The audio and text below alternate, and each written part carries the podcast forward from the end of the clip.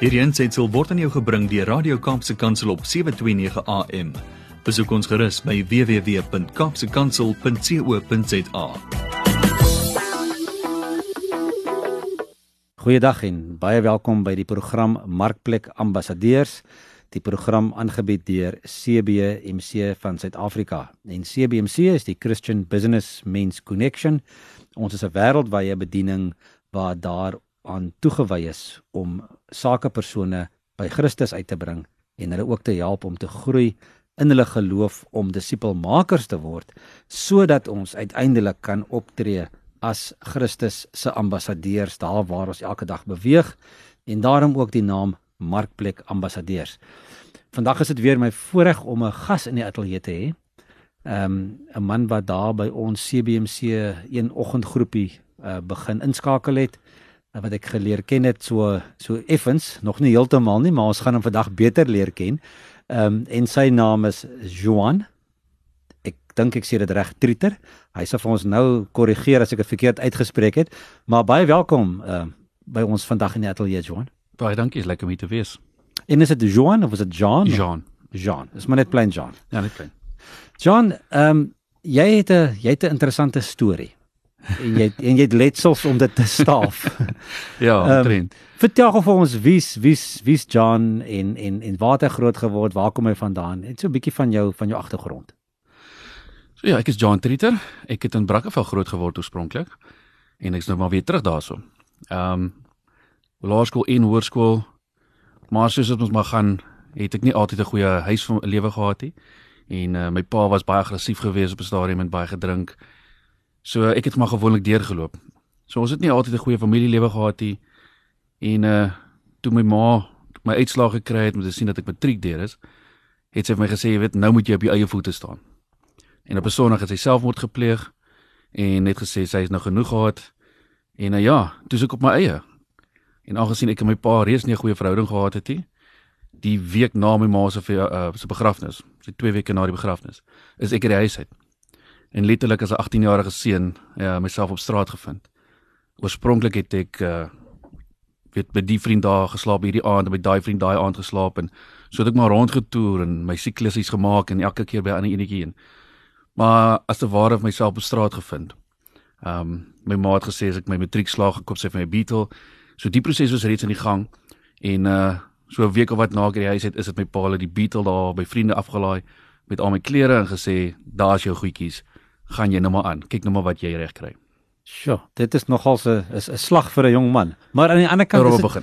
Maar as jy as jy nie regtig ehm um, perke gehad het in die, in jou in jou huislike lewe nie, dan was dit eintlik vir jou so half dalk lekker om 'n bietjie vryheid te hê ook, nee, aan die ander kant. So kyk 'n jong man is mos 'n avontuurlustige ding. So dan probeer hy ou seker enige ding doen wat jy kan doen en en en, en, en kyk wat werk en wat werk nie. Ja, veral op 18 jarige ouderdom, jy's nou net klaar met skool en uh In ons jare was dit nog 'n 'n groot stap om skielik in die grootmenswêreld te betree. En skielik mag jy alles doen. En uh so ja, daar was baie aanpassings gewees en baie nuwe uitdagings en skielik kon ek baie ook eksperimenteer met baie goeders wat ek in my ouer huis natuurlik nie mag gedoen het nie. Ja, so die wêreld se aanloklikhede het toe nou fisies begin op jou inwerk. Ja. Ek het al die dinge on, ontdek wat my seker nie moet ontdek nie. Ja. En Jane, die goed het jou in die moeilikheid gebring. Ja, ehm um, alhoewel ek uh gegroot doop is op 18 jarige ouderdom en uh voorgestel is en al daai tipe goedjies gedoen het toe die dinge nou verkeerd loop en ek is uit die huis uit het die kerk nie regtig 'n standpunt geneem nie want die kerk het gevoel um hulle wil nie inmeng in my familie issues nie. So ek het so half 'n grudge gekry sommer teen die kerk en ek het so besluit weet wat ek het nog steeds 'n verhouding met die Here en ek kan my verhouding met die Here op my manier voortbou. So ek het toe maar weggebly by die kerk en uh my eie paadjie begin stap. En so jy kan dink, begin drink en ontdek nou dat daar's vroumense en allerlei ander goedjies en die naglewe en so so toe allerlei ander goedjies nou vir my interessant geraak. John, so het jy het jy dan op skool ehm um, ontmoeting met die Here gehad? Ehm um, vo voordat jy nou uit die huis uit is? Ja, ja, ja. OK. So ek het ehm um, my matriekjaar het ons snaaks genoeg was ek nog in die NG Kerk gewees. Ek het daar gekatkiseer ook, maar ook in daardie jaar het ek by die PPK aangesluit en daar soos ek ook gevul gewees met die Heilige Gees vir die eerste keer en ek het daai ervaring gehad dat die dat die Here werklik bestaan. En daar het ek eintlik begin met 'n verhouding met die Here wat my heeltemal anders was as die lering wat ek gehad het tot op daai stadium. So ek het die Here op 'n ander manier begin ervaar.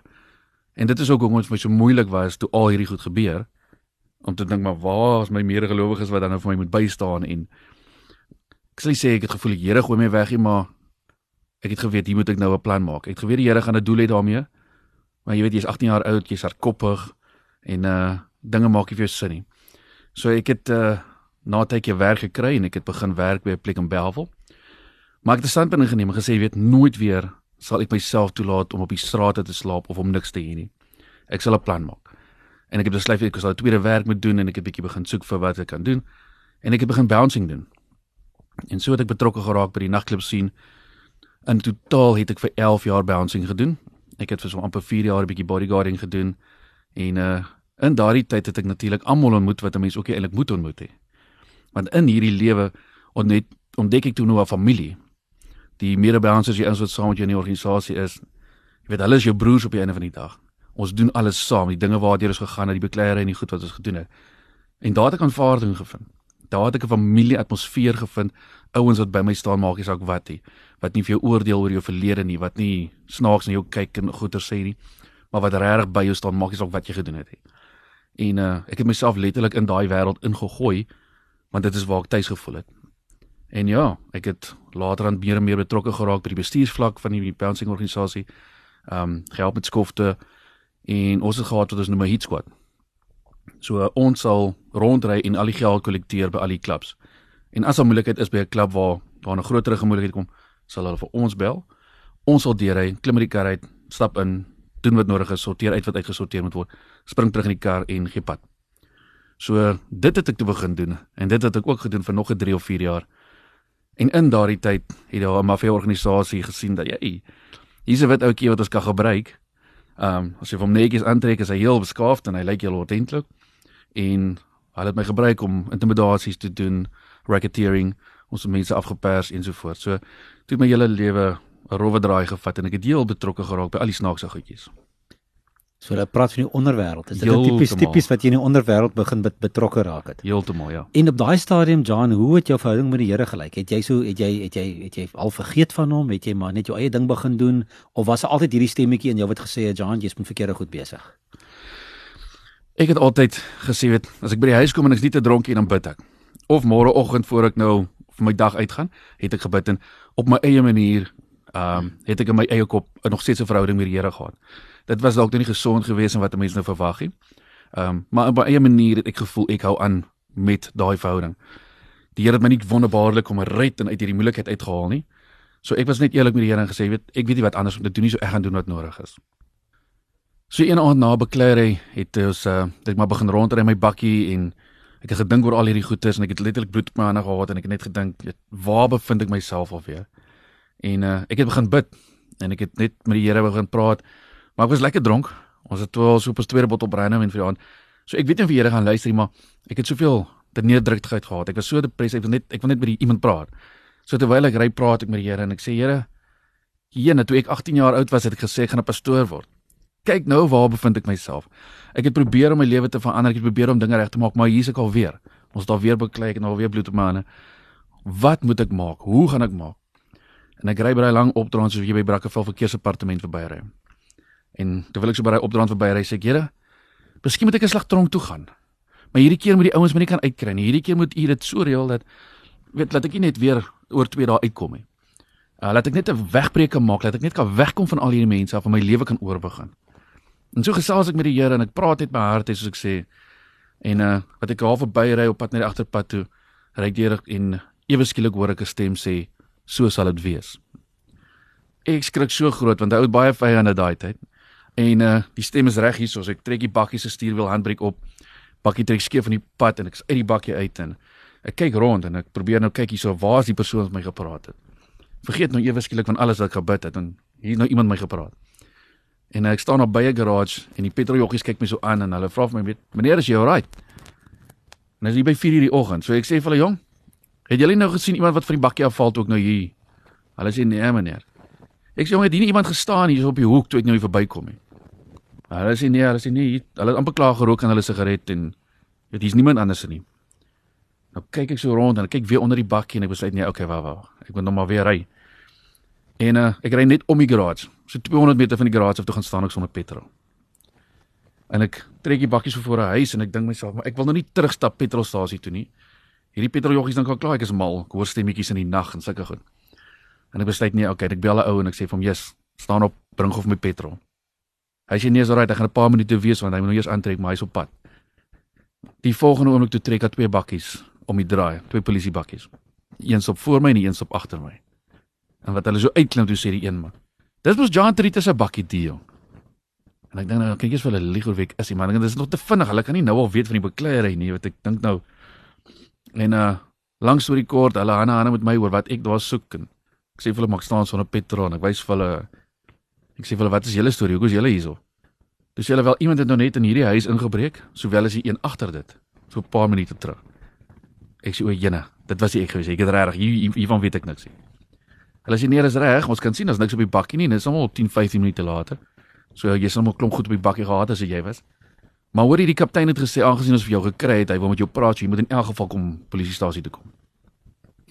We gaan toe deur polisiestasie toe en uh hulle wil toe 'n verklaring by my hê, hulle wil 'n bietjie inligting gehad het en ons gesels en uh nou begin dit dagskof. So die dagskof ouens begin nou aan diens kom.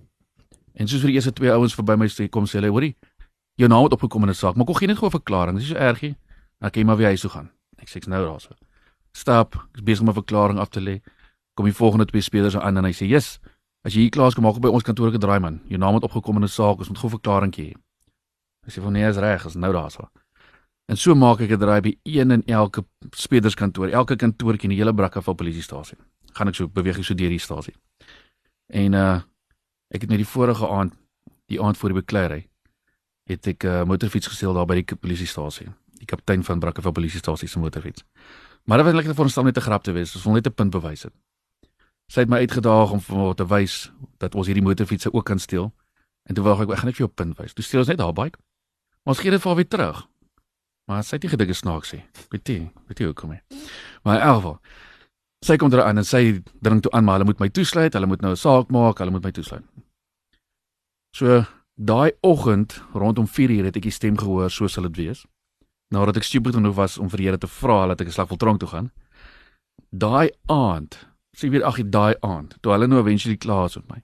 Toe sit ek met iets so 13 nuwe sake op my naam. Hm.